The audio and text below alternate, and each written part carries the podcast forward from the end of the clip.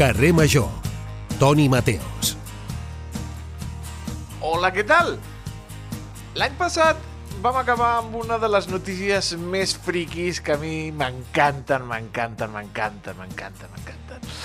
No sé si se n'en recorden que el passat 2 de desembre el torero Juan Ortega i la que era la seva núvia, la Carmen Ote, van protagonitzar una de les notícies més esperpèntiques i impactants de la premsa nacional.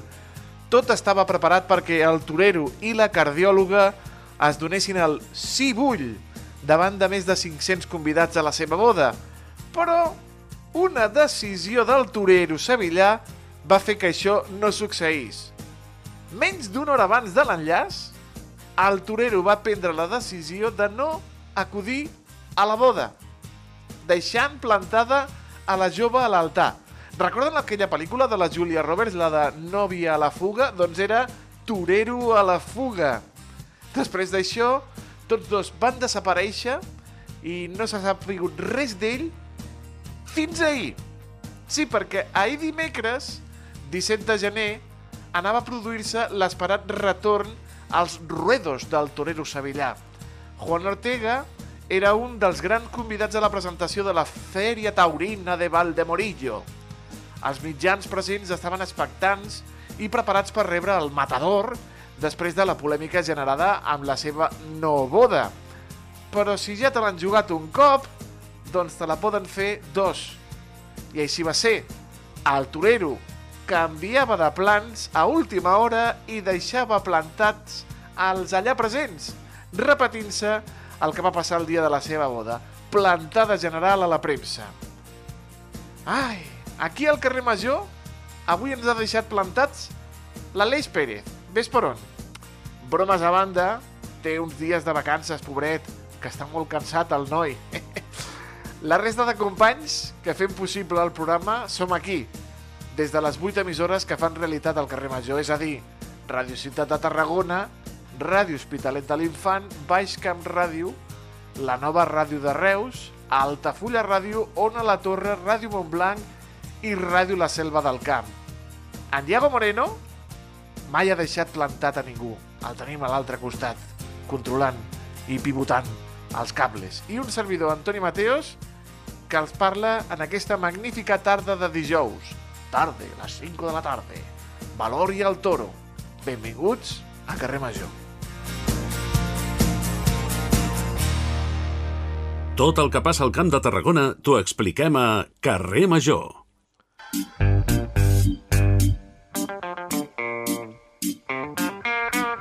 Dos i dos són quatre, quatre i dos són sis, escola arreglada i frustrada.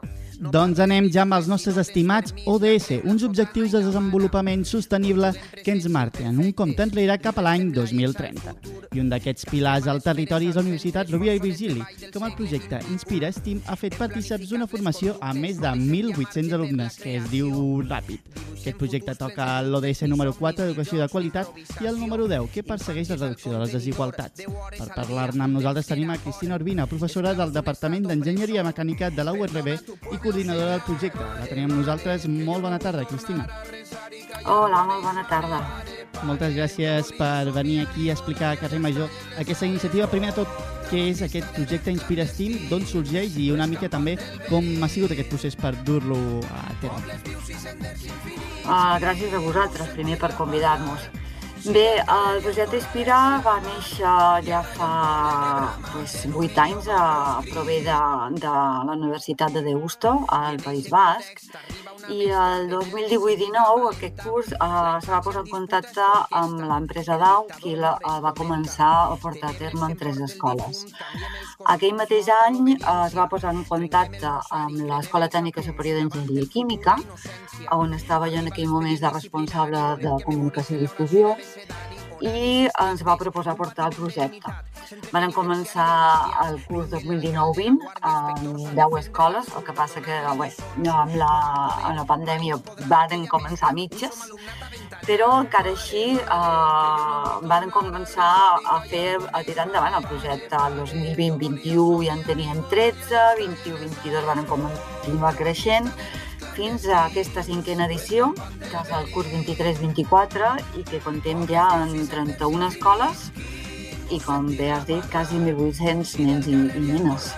Déu nhi Que, que, es, es diu aviat, es diu aviat. Diu aviat, però déu nhi també tota la feina no? i totes les nenes i els nens que arriba, perquè al final també aquest, aquest projecte no? també va molt lligat a la reducció de les desigualtats de, de, de gènere. També una mica quin, quin és el paper de, de, tant de nois com de noies en aquest projecte?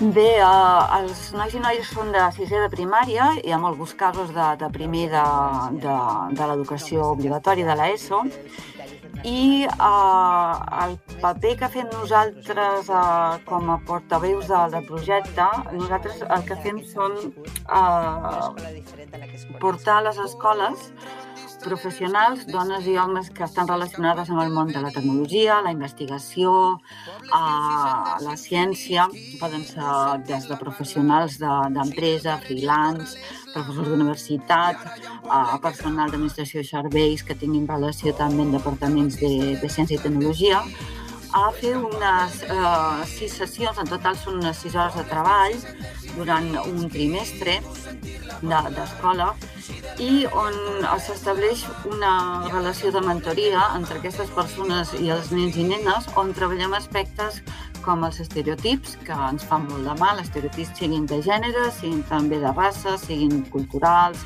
religiosos, després mostrar que, que la gent que hem fet uh, aquest, aquesta carrera professional de, de ciència, tecnologia, enginyeria, no som gent rara, ni molt no tenim tres cames, quatre peus, ja me la veus a mi, soc una persona normal que va en xandall per casa i dir, soc enginyer, soc enginyera, vull dir, no, no, no té res a veure. I crear aquests referents uh, propers expliquem professions d'estim, més enllà de bomber, policia, mestre o youtuber, maleït sigui. O sigui, aquestes, aquestes professions que ha més camins, hi ha universos per descobrir on una persona pues, es pot fer. I la idea és que els nens i les nenes doncs, desterrin una mica el tinc que fer això, sinó que ho substitueixin en vull fer.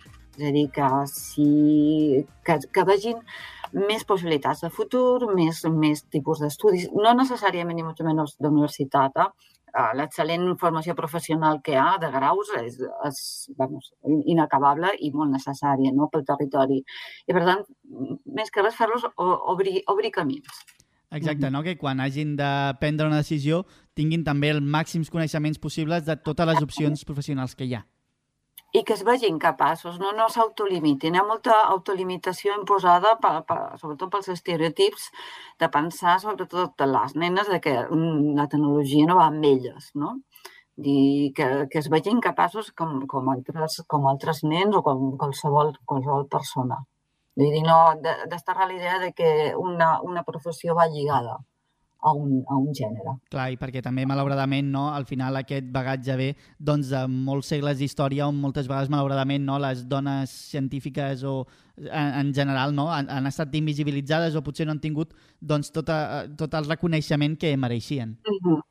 Sí, de fet, en una de les sessions és dedicada a, a dones a la història, però també dones actuals, perquè encara es repeteix que quan preguntes, l'única dona que te saben dir els alumnes és Marie Curie.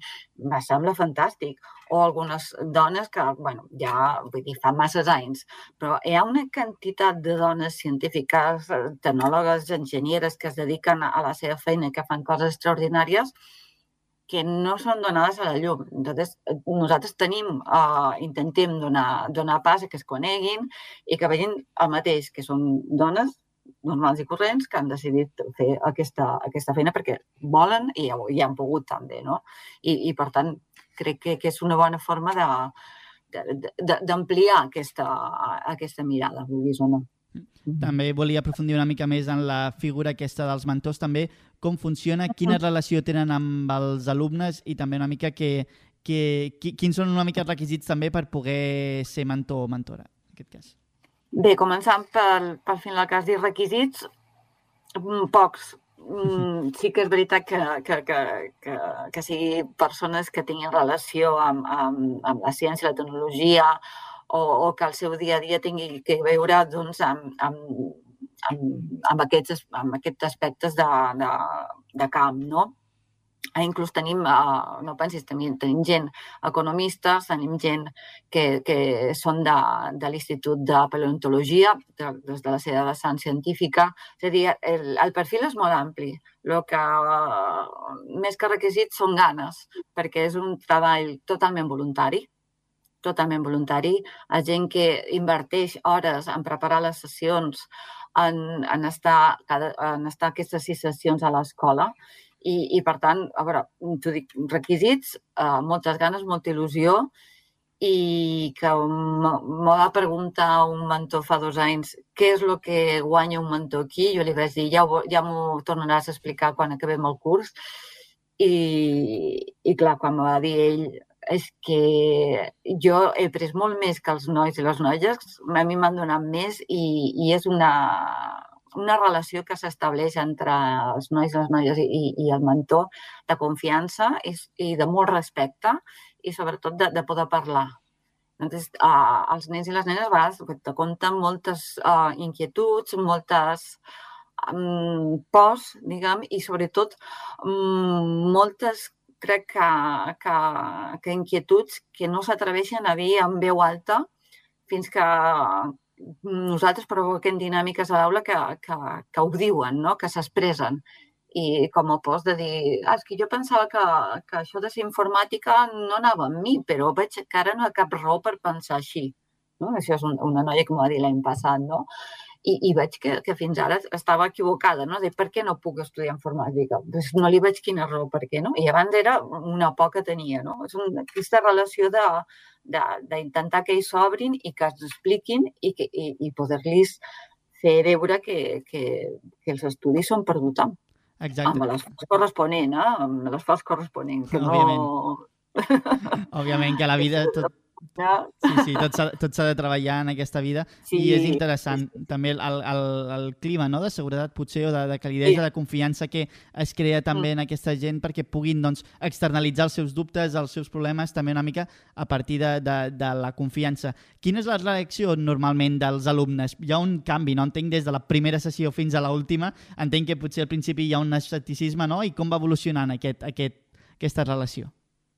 Clar, la, pri la primera sessió se queden una mica estranyats de que, clar, dues persones externes que, que nosaltres ens presentem, li deim les aficions que tenim, que hem estudiat això i que ens dediquem a, a tal cosa, mira, clar, jo, jo sóc un estereotip andante, no? Faig metres 35, era rosa, ulls blaus, tal, i dic que jo sóc enginyer industrial, tinc dues carreres, etc etc. I que, que, que explico uh, que soc professor a la universitat, no? I pues, me dedico a l'alpinisme, bueno, faig històries, no? Entonces, clar, primer queden una mica així de dir per què aquestes senyores venen aquí i, i inverteixen el seu temps en nosaltres, no? Una mica de dir què fan aquí, per, per, què, són, per què volen estar aquí amb nosaltres. I a poc a poc quan els comences a fer activitats de, que són activitats de mentoria, intentant doncs, que preguntant-los molt, fer-los reflexionar amb, amb les activitats, poses en petits grups, convides a, a que s'expressin, preguntes i vas creant aquest, el que dius tu, aquest clima d'expressió de, de, i de seguretat que a poc a poc fa que l'últim dia eh, vegis molta diferència. Per exemple, l'any passat, no, a l'escola on estava, del primer dia de que algunes noies no sabien què, què, què fer, què estudiar, a l'últim, expressar lliurement com es veien d'aquí, quan tinguessin 30 anys, clar que per elles sembla moltíssim, no? Doncs explicaven totes, pues, volien viatjar, volien, doncs, algunes sabien ja amb un parell de fills, que havien, totes havien estudiat, és a dir, el, el canvi de no saber què fer a tenir un objectiu. I crec que és, amb això ja és importantíssim, no?, el canvi. I sobretot la confiança, que, que crec que a vegades eh, l'autoestima i l'autoconfiança crec que creixen en molts casos. Jo crec que sí fem unes enquestes i fem uns, uns qüestionaris al final i obtenim bastant, bastant, bastant de feedback I, i això és mos, crec que ens ho dona a pensar. Sobretot l'autoconfiança i l'autoestima crec que creixen amb, amb elles i ells, sí, sí, sí. sí. I encara més mm. en una etapa on també és tan important no tenir aquestes guies, aquests referents, també una mica doncs, saber el que vols i el que no vols totes les etapes són difícils. Al sisè de primària eh, crec que s'incideix i, i crec que està bé on, on, on incidim, però clar, després ve l'educació secundària, allà haurien de, de tornar a incidir, i després a batxillerat. Però jo crec que eh, posant una llavor a primària, um, si dels no sé, si aconseguim un 10 o 15% d'èxit, jo ja, ja estaria contenta. Sí. Clar, no tenim manera de, de fer el seguiment, evidentment, perquè després de la primària marxen molts alumnes a diferents llocs i, i ens és impossible, no?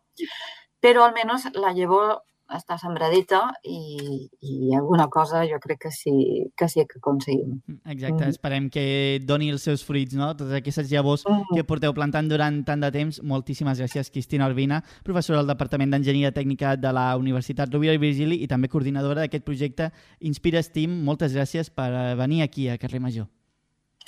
Gràcies a vosaltres i, i, i pel programa i que no el coneixia i, i de ben segur que, que ja tenim una altra seguidora. Moltes gràcies, vagi bé. Vinga, adéu. Carrer Major, fent camp de Tarragona. Si avui s'acaba no viure tot. Estic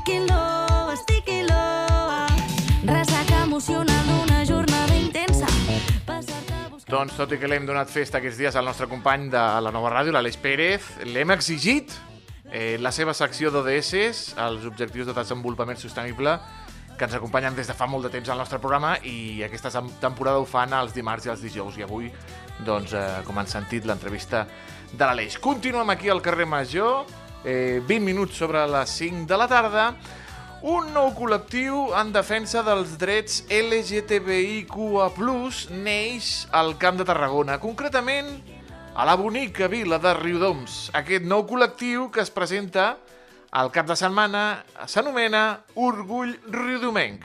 I amb orgull anem amb la nostra secció, amb el, la secció de gèneres, amb una de les seves responsables, la Bàrbara Casas, a la qual saludem. Bàrbara Casas, molt bona tarda. Hola, bona tarda. Amb quin sí? objectiu neix Orgull, Orgull Riudomenc, Bàrbara? Doncs Orgull Riudomenc va néixer a finals de l'estiu, començant el curs, eh, des d'un grup de persones que ens coneixíem més o menys, i no, com dins el col·lectiu LGTBI, dins del poble, i neix amb la voluntat d'això, de ser un punt d'unió, un punt de trobada, i també un punt de reivindicació i de sensibilització a nivell local, no? perquè sí que passen coses a nivell comarcal o a nivell de Catalunya, passen més coses a Barcelona, però sí que volíem no, com remarcar que des de Riudoms mateix podem pues, treballar per, pels drets LGTBI i també no, per crear aquest punt de trobada i, i sí, entre gent que potser no com que es coneix tota la vida, de que vas sentint a parlar d'altra gent del poble, del col·lectiu LGTBI, però no acabes de, de teixir-hi cap aliança, i doncs això, doncs aquest punt de trobada. Sí. Mm -hmm. Notàveu la necessitat de crear el col·lectiu entre els riudomencs i les riudomenques? Eh, sí que és un tema que hem estat parlant, no? que, me, que potser no, com ha la falsa sensació de que la homofòbia o la LGTBI-fòbia ja no existeix, no? que s'ha superat, però sí que no, cadascú té la seva pròpia experiència, hi ha experiències més dures i n'hi ha de més positives, però sí que creiem que és un tema que encara està present a la nostra societat i, i tant, tant a les ciutats grans com als pobles petits, no? I per això sí que creiem no, que tant a, potser no, com hi ha petites violències que es van bueno, quotidianes que, que en un moment o altre tothom, tothom ha viscut, no? I sí que creiem que era necessari com posar sobre la taula, no? Que a, Riudoms existeixen persones LGTBI i que, i que, bueno, que no, que hem de treballar no? perquè la homofòbia deixi d'existir en qualsevol espai del poble. Uh -huh. com, com han respost, Bàrbara, veïns, veïnes, entitats i l'Ajuntament de, de Riudoms? Com han respost? Doncs de moment bueno, de moment no... Sí, sí que hem fet públic no? a l'Instagram que existim, hem fet públic a, em, a l'Ajuntament que això, però la presentació pública no? i l'ocupar l'espai públic com a Orgull de Domènec serà aquest dissabte i llavors veurem com, com responen les veïnes. Però de moment, no, doncs des de l'Ajuntament sí que ens han donat bastant bueno, suport no? i ens han animat a, a, a que féssim la presentació el, el dissabte i ens han no, estès la mà en aquest sentit.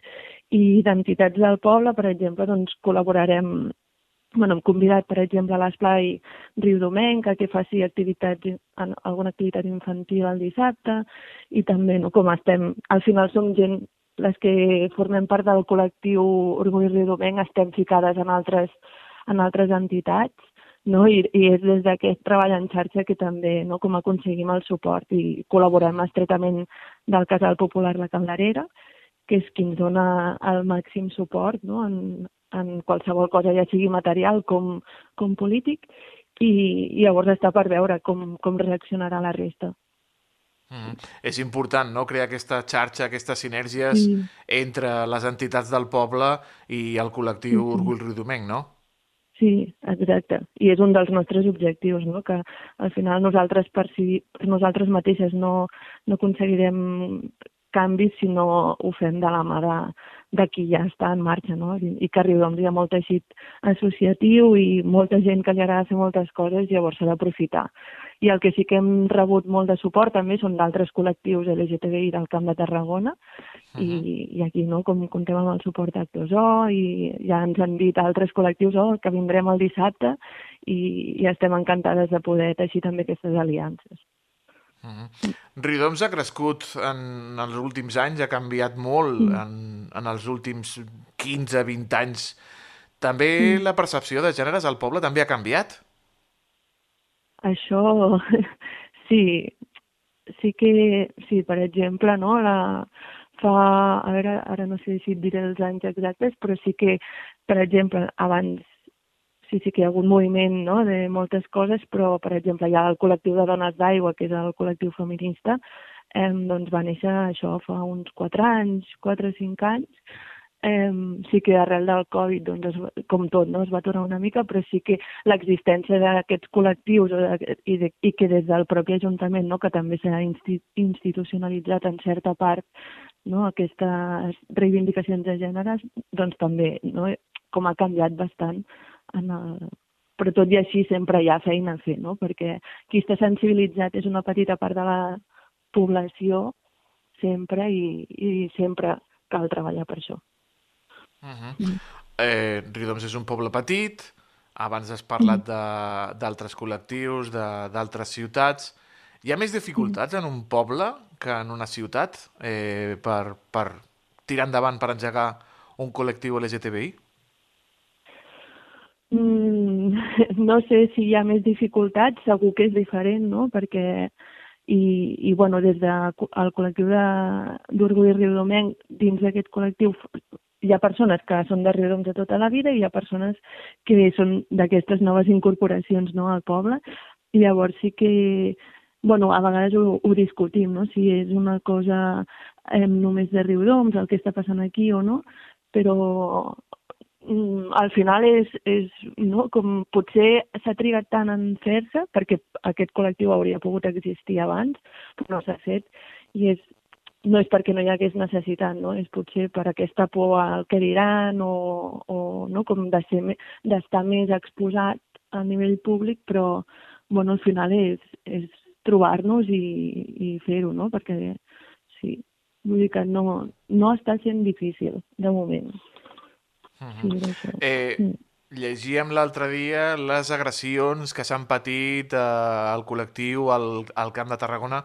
Eh, mm. També patiu agressions eh, al col·lectiu a, a un poble com Riudoms? Clar, de moment, o sigui, com he dit abans, no? sí que cadascú té les seves pròpies experiències de més o menys violència, tothom hem, hem patit violència, però no, no, expli no directa, no? De, de patir una agressió pel carrer, o això són coses que o de moment no s'han fet visibles o, o bueno, visibles, no? que al final que augmentin el número de denúncies no vol dir que augmentin el número d'agressions, sinó que la gent és més conscient que això és una agressió i que es denuncien més. No? Llavors, no sé, si a partir d'aquí comencem... També era la, el nostre dubte, no? Si, si, ostres, si ho fem més explícit, si existeix orgull domenc, la gent potser s'atreveix més no? a parlar d'aquestes coses i a identificar certes violències com a violències que són i no com a ah, són coses que s'han fet tota la vida així, no? Sí. En què consistirà la festa de presentació d'Orgull Riudomenc aquest dissabte, que a més a més està també mm. dins de les festes de Sant Sebastià?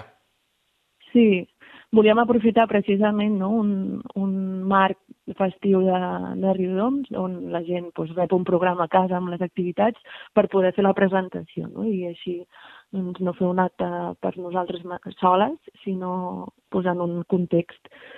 I doncs, la festa i l'acte de presentació consisteix en que a les 11 comencem amb un... Bueno, hi haurà activitats infantils, farem un, un racó del conte eh, sí que el faran unes activistes del col·lectiu, després bueno, farem una mica d'esmorzar per als infants que s'apropin i també comptem amb l'Esplai Rodomem que farà un, un mural col·laboratiu i després a partir de les 12 no, que ja comencem amb el vermut, tindrem una barra on tothom que vingui pugui, pugui prendre alguna i menjar alguna coseta i llavors farem una... bueno, llegirem el nostre manifest, no? una mica de discurs de presentació, contem amb com l'apadrinament de l'Oriol Grau no? com a persona referent també i més visible aquí al territori, i, i també contem amb altres convidades que no hem posat al cartell, no? però que són pues, o associacions o, o persones concretes que ens han dit, ostres, doncs vindrem i esperem que també puguin intervenir d'alguna forma i després cap a les 12 i mitja em, tenim la, la performance transformista de Jessica Pulla, que és una eh, drag, eh, no? una, una, una artista que, que és de Valls i que estem molt contentes de que pugui venir a fer aquest, aquest espectacle i, i amb això ja no, acabaríem el vermut i ja està. És un acte d'unes tres horetes i, i res. I això amb un toc més festiu que no que cap altra cosa. Mm. I un cop acabada la festa, posar-se a treballar. Quins seran els següents passos Exacte. del col·lectiu Riudomenc, d'Orgull Riudomenc?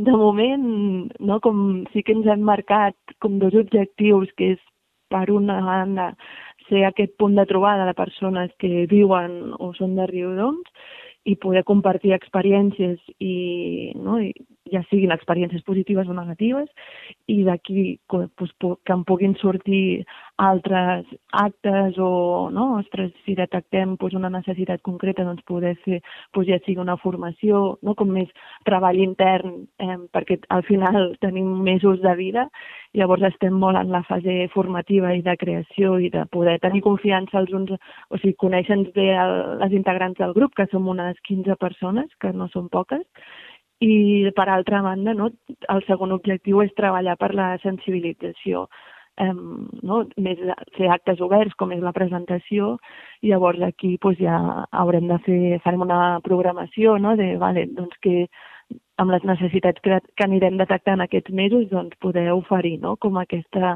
banda més de sensibilització. Si cal fer accions al carrer o si cal fer pues, un, no sé, eh, pues ja sigui cinefòrums o xerrades o convidar gent a que, que pugui venir a portar a Riudoms, no? pues, també.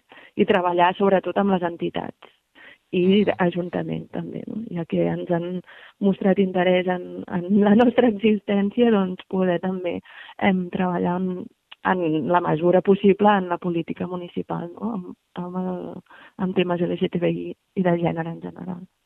Mm. Doncs teniu una plataforma com, com el carrer Major, eh, sempre sí. que vulgueu sereu benvingudes. Ah, hem parlat avui amb la Bàrbara Casas, eh, una de les eh, membres d'Orgull Riudomenc, que aquest dissabte doncs, estan de presentació. Bàrbara, moltíssimes gràcies, molta sort i molt bona feina. Vale, merci. Ens veiem dissabte. Gràcies, Adeu. que vagi molt bé. Carrer Major, al Camp de Tarragona, des de ben a prop. Anem. anem amb la nostra furgoneta, amb la Cristina Artacho, la dona que més viatja del nostre programa, la més viatgera del carrer Major, que avui vol buscar l'equilibri, vol buscar aquell punt fantàstic que s'aconsegueix amb el Pilates. Cristina Artacho, bona tarda.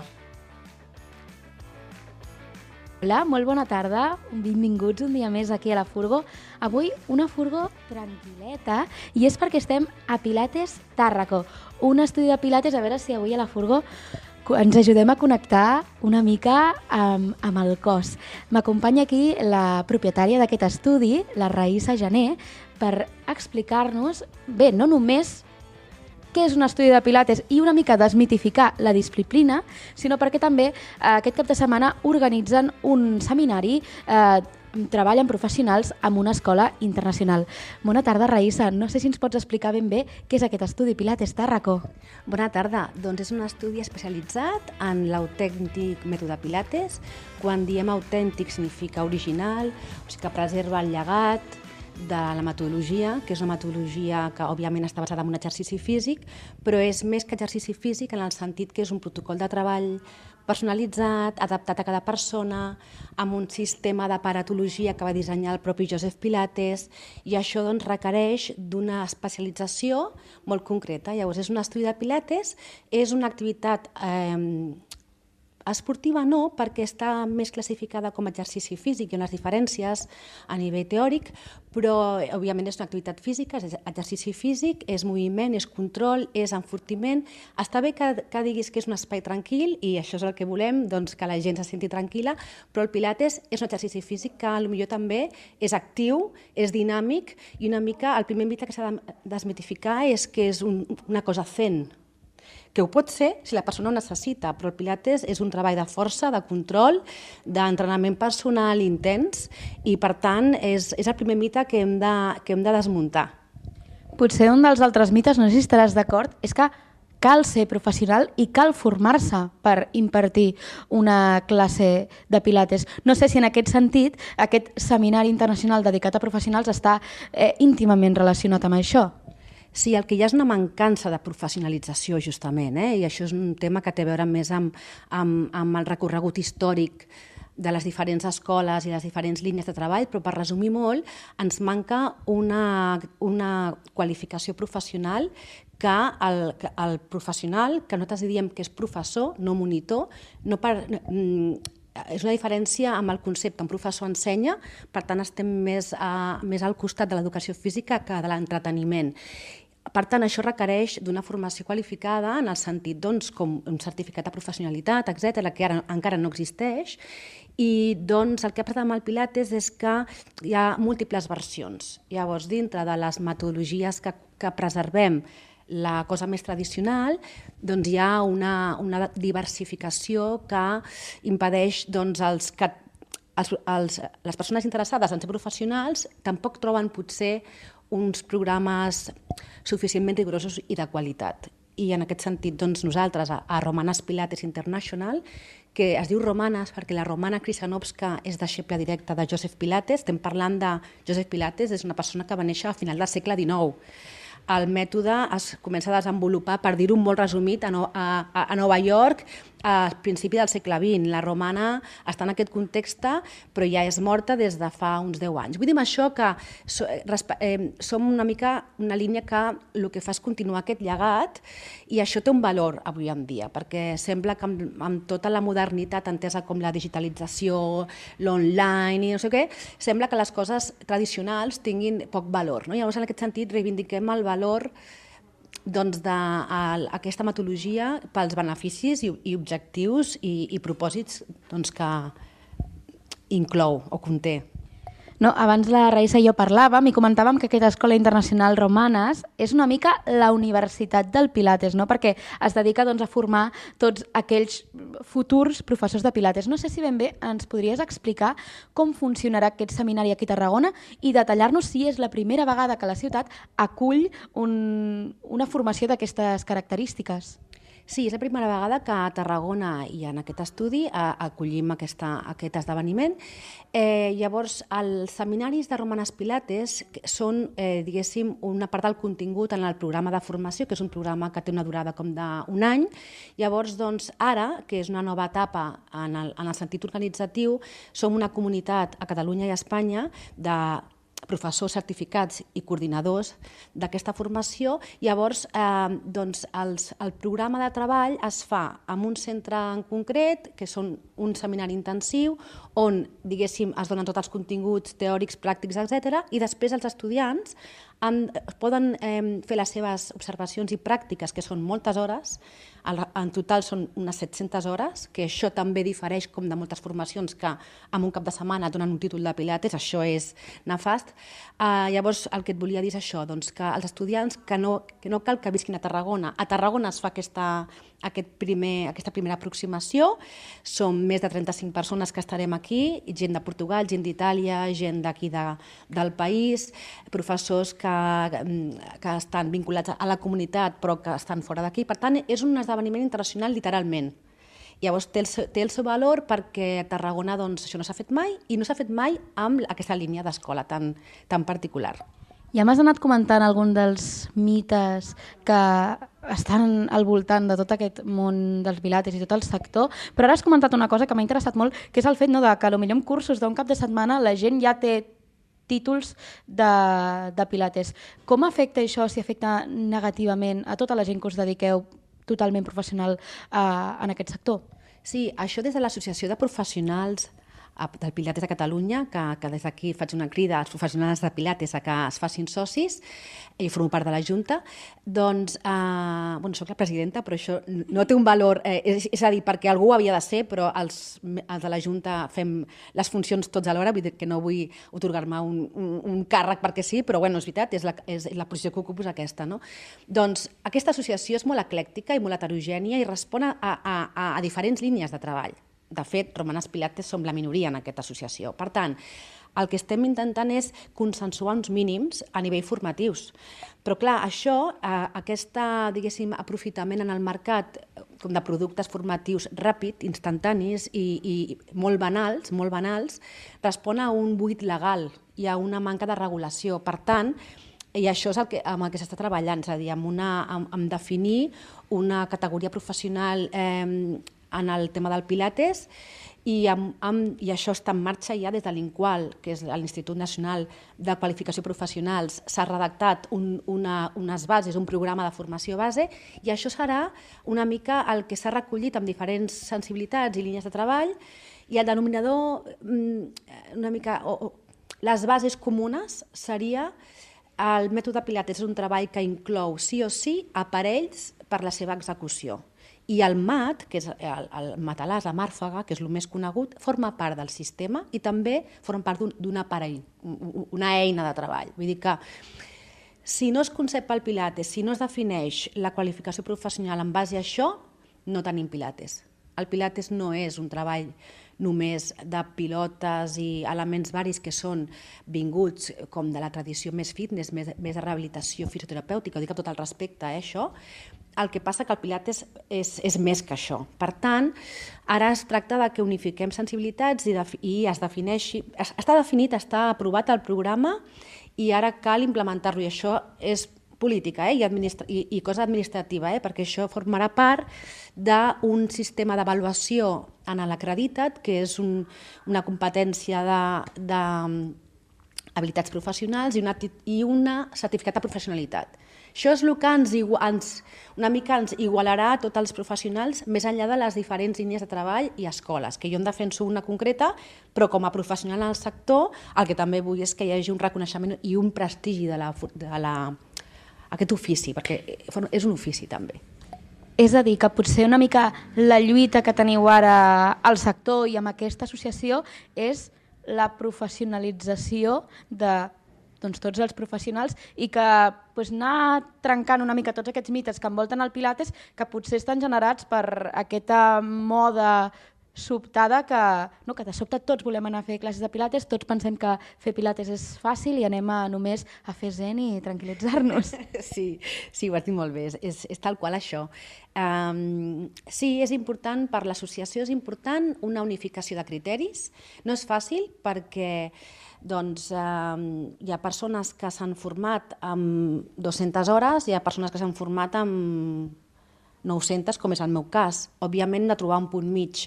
Ara mateix, si no m'equivoco, la base des de la qual s'ha fet aquest document que ha d'unificar una mica el criteri professional crec que està en 300. Des del meu punt de vista és, és insuficient encara, però és més que 100. Per això et dic que és un, és un sector bastant, bastant eclèctic. I després, òbviament, eh, aquí hi ha una indústria del sector esportiu doncs, que també eh, s'acull aquest filó del Pilates i llavors eh, Mm, diguéssim, diferent, existeixen diferents models per practicar pilates, des d'un estudi especialitzat a, un, a una instal·lació esportiva municipal, a un gimnàs privat. Llavors, cada model de negoci adaptarà segons la seva visió, doncs, el, el, el, aquesta oferta. No? L'important és que a nivell tècnic i a nivell de metodologia i de concepte es preservi el Pilates pues, tal com és, perquè si no, no es diria Pilates, es diria una altra cosa. No? Doncs moltíssimes gràcies a la Raïssa Gené, que és la propietària d'aquest estudi de Pilates, Pilates Tàrraco, que no només ens ha explicat tot aquest eh, seminari internacional que s'ha organitzat aquest cap de setmana a Tarragona, sinó que ens ha ajudat una mica a entendre realment què és els Pilates i, igual que en qualsevol altre sector, la importància de la professionalització. Moltíssimes gràcies, Raïssa, i nosaltres ens veurem ben aviat a la propera furgó. Adeu. Carrer Major, fent camp de Tarragona.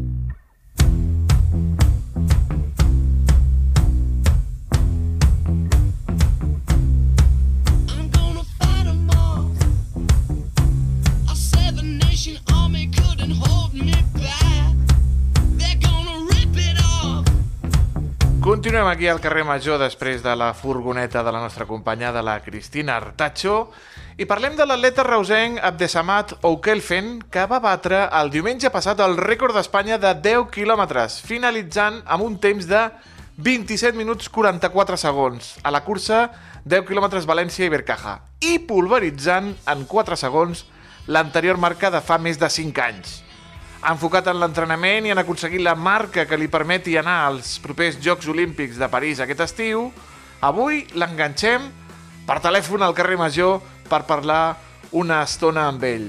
Abdesamat, bona tarda i felicitats. Moltes gràcies, res, molt bé. Aquí estem per Reus, disfrutant una mica de la família i aprofitant per entrenar per, per la meva ciutat.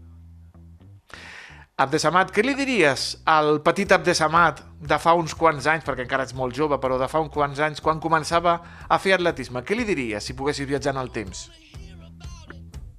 Hòstia, que és una pregunta molt, molt important, crec jo, eh? Però, bueno, jo crec que li diria que, que, bueno, que, que treballi, que segueixi treballant com està fent com ha fet durant la, eh, pues, quan era petit i, i, a, i en aquella mentalitat que, que jo crec que va tindre una, una bona mentalitat en, en seguir pues, progressant any per any i, bueno, i que segueixi endavant. Uh -huh. Nou rècord d'Espanya, 27-44, eh, que feia molt de temps que no es batia aquest rècord. Content o amb ganes de més, Abdesamat?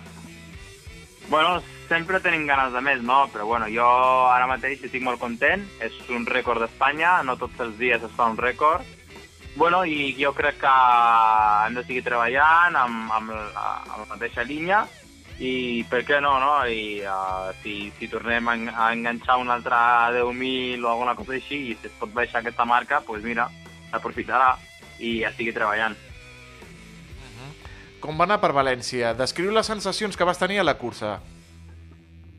Bueno, al final ha sigut una competició bastant una mica ràpida al principi, perquè al final, al no tenir eh, llebres i tal, pues, bueno, era complicat una mica de, de gestionar, de saber amb qui grup anar per no sortir molt ràpid i al final eh, patir molt. Però bueno, he fet una cursa, el que podíem dir, pues, bueno, una mica precipitada, sortint molt davant i, bueno, i, i al final ja patir més. Eh, parlar una mica amb el meu entrenador, pues, eh, pues, el que et dic, no? em va dir, bueno, és que de vegades aquestes curses, si surt lent, al final l'acabes corrent, i si surts molt ràpid, molt ràpid i perds un segon, però acabes fent un rècord d'Espanya, pues molt bé. Així que, bueno, jo les sensacions al final que estem en aquestes competicions és, al, abans de començar, són una mica de nervis, totes les persones eh, pues, que et trobes durant el circuit calentant i tal, et comenten que uh, per el rècord, a per el rècord, i al final eh, i més a València, no? que eh, la, hi havia un volum de gent bastant gran pels carrers i, i al final, mentre escalfàvem, que escalfàvem una zona VIP i tal, eh, hi havia una gent que, que, que, que estava bastanta gent mirant l'escalfament i tal, i molts d'ells, fotos, sisplau, i tal, i quan et fas una foto et diu, nada, pues a por el rècord. I al final són, eh, està molt bé i tal, són nervis, una mica de pressió i tal, i, però bueno, i després, pues bueno, patir, no? Durant 10 quilòmetres i així que 27 minuts, 44 minuts, 20, 27 minuts i, 4, i, i 44 segons de, de, de patiment ja està bé, però bueno, així. Estàs en un dels millors moments de la teva carrera amb només 25 anys, no, Abdesamat? Bueno, eh, jo crec que mm, durant tots aquests anys que, que, que, que he estat entrenant he tingut molt, molt bons moments com aquest, tant sent campió d'Espanya de, de 5.000, eh, alguna medalla a nivell europeu. Crec que al final això sabíem que algun dia pues, passaria i tal, i, bueno, i al final forma part eh, del, meu, eh, del meu palmarès i bueno, pues, escriure el meu nom al rècord d'Espanya pues, és una cosa pues, que la veritat és que un vol i ara sent aquí la ruta està bé que bueno, i no estaria malament tampoc fer-ho a la pista, així que bueno, a poc a poc. Uh -huh. I també escriure el nom de Reus i del Camp de Tarragona amb aquest rècord. Eh, el cross és el teu terreny actual, Abdesamat? Et sents molt a gust en el cross? Prefereixes més eh, eh, el que és asfalt? Com, com, com estàs més a gust? Bueno, és, la prim és el primer cop que hem preparat una mica, com durant unes tres setmanes, la ruta. És a dir, jo mai havia preparat la ruta amb la meva eh, anterior entrenador, la Maria Carbó, d'aquí de Vilafranca, eh, sí que havien fet algun 10.000, però sense tenir en compte que 10.000, sinó amb la preparació del cross. I al final me'n passo des del setembre fins a finals de gener fent quasi tot cross i alguna ruta i tal, eh, i ja després passo a lo que és la pista, que és el que, diguem-la, tot de partir de finals de gener, ja fem la, comencem la preparació de cara a l'estiu, que seria com el gros de la temporada, però sí que durant tots aquests mesos fas molt de cross, molt de treball de volum, i, i aquest any pues, pues tenia ganes de córrer una bona cursa de, de ruta. I mira, eh, va ser València per, per, per, per dates, eh, ens va anar molt bé perquè era a meitats de gener i el meu estat de forma de era bastant bo i que a més després es podia aguantar fins al Campionat d'Espanya, doncs pues mira, eh, super, eh, una més i ja sigui treballant. Uh -huh. Eh, parlaves d'entrenaments i de la teva entrenadora i de... Com és el teu dia a dia? Com són els teus entrenaments? En quina hora t'aixeques? Eh, per on corres? Què menges? Eh, què veus? Què fas en el, temps, en el teu temps de lleure, a Desamat? Abans, quan estava aquí a... Bueno, quan vivia aquí a Reus, més, més, més sovint i tal, pues la, la rutina era bastant, bastant eh, fàcil, no? Al final jo visc aquí, que sé, a les afores de... Els meus pares viuen aquí a les afores de Reus, al costat de l'Hospital Sant Joan. Uh -huh. Quasi tots els dies era, si sortia des de casa, era cap, mm, cap a la fira eh, i cap a Brasília, cap a l'aeroport. Bueno, totes aquestes zones més o menys me les conec ja de tant córrer uh -huh. per allà i de vegades no necessito ni anar amb crono, ja ho tinc ja medit mentalment però sí que ara pues, que porto des del setembre a allà a Sòria amb el, el, el centre de, de, de tecnificació de, de Sòria, um, el CAET, pues bueno, allà pues, és una mica bastant diferent, no? Al final allà hi ha un grup d'entrenament, tenim una hora temporada que és normalment sobre les 10, 10 i mitja està la, uh, al, al lloc de trobada, t'aixeques sobre les 8 i mitja, més o menys, depèn del dia, si un dia estàs més cansat o menys, alguns cops si estàs des de les 8 eh, aixecat, esmorzes, et prepares i ja surts cap, cap a la zona d'entrenament i al final és la rutina, tornes, fas el menjar i bueno, després fas un ratet si pots, si tens ganes de dormir, pues, un mitja horeta, una hora de, de son, tornes a menjar una cosa, si, si tens gana, i a, i a fer la segona sessió d'entrenament. I al final són dues hores al matí, dues hores a la tarda, i alguns dies pues, sí que estàs algo més cansat i la sessió de la tarda pues, la, intentes ficar-la lo més i normalment es comences a les 5, a les 5 en punt, pues mira, dius, va, a veure si podem quedar a 5, 5 i 10. Són 10 minuts que al final te dius, bueno, eh, més que surts de casa i tal, pues, mm, i pots dormir més també aquella tarda perquè estàs més cansat. Però bueno, estic molt content, al final allà a Sòria és un nivell més, més, més, mm, més alt, uh, hi ha molts nois uh, del meu nivell, diguem-ne, i això és bo, perquè al final tenim la mateixa vida, encara que vivim cada un al seu, a la, al seu pis i tal, eh, tenim la mateixa vida, el mateix horari, i al final ten, tots tenim el mateix eh, pensament, no? O això jo crec, no? Al final tots venim per entrenar i esforçar-nos al màxim i de cada entrenament, pues, si podem disfrutar una mica, se disfruta. Uh -huh. I el teu objectiu de setmana és París 2024, 5.000 metres. Eh, creus que aconseguiràs la marca per anar als Jocs Olímpics? Bueno, ara mateix, eh, com l'altre dia també em va preguntar de, del corredor, eh, inclús de la bolsa del corredor, eh, Alberto i, i Alfredo, pues mira, al final jo crec que estic en un moment pues, que allà a Sòria pues, mm, ja quasi com aquell que diu, no? M'estic adaptant molt, molt ràpidament, tant a la zona, eh, a la nova vida i als entrenaments que són molt diferents als que feia amb Maria Carbó. Al final amb, amb, amb Enrique Pasqual, pues, eh, tot és diferent, no? Al final estàs fent un altre tipus d'entrenament. I jo l'únic que vull, eh, que vull és que durant aquests, uh, aquests mesos pues, aprofitar al màxim, entrenar molt i, i que Déu m'ajudi en tot el que pugui. I tant, i tant. I estarem ben atents des del carrer Major a la teva evolució i a aquests Jocs Olímpics que tens a l'objectiu. Abdesamato Ukelfen, moltíssimes gràcies per acompanyar-nos aquesta tarda aquí al carrer Major, la, el programa de les 8 emissores del Camp de Tarragona. Una abraçada i tapa't, que a Sòria deu fer un fred que no vegis. Sí, sí, sí, sí. Moltíssimes gràcies a vosaltres i res, espero que d'aquí poc fer l'entrevista prèvia cap als Jocs Olímpics de París. Una abraçada molt Perfecte. forta. Aquí, una abraçada, que vagi molt bé. Adeu.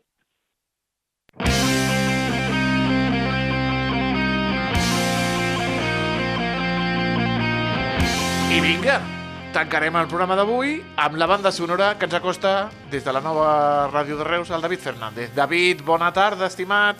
Hola Toni, molt bona tarda. Avui ja veus que ens hem posat contundents per recuperar la música d'una formació que fa molts anys que no actua sobre els escenaris però que ara han decidit tornar.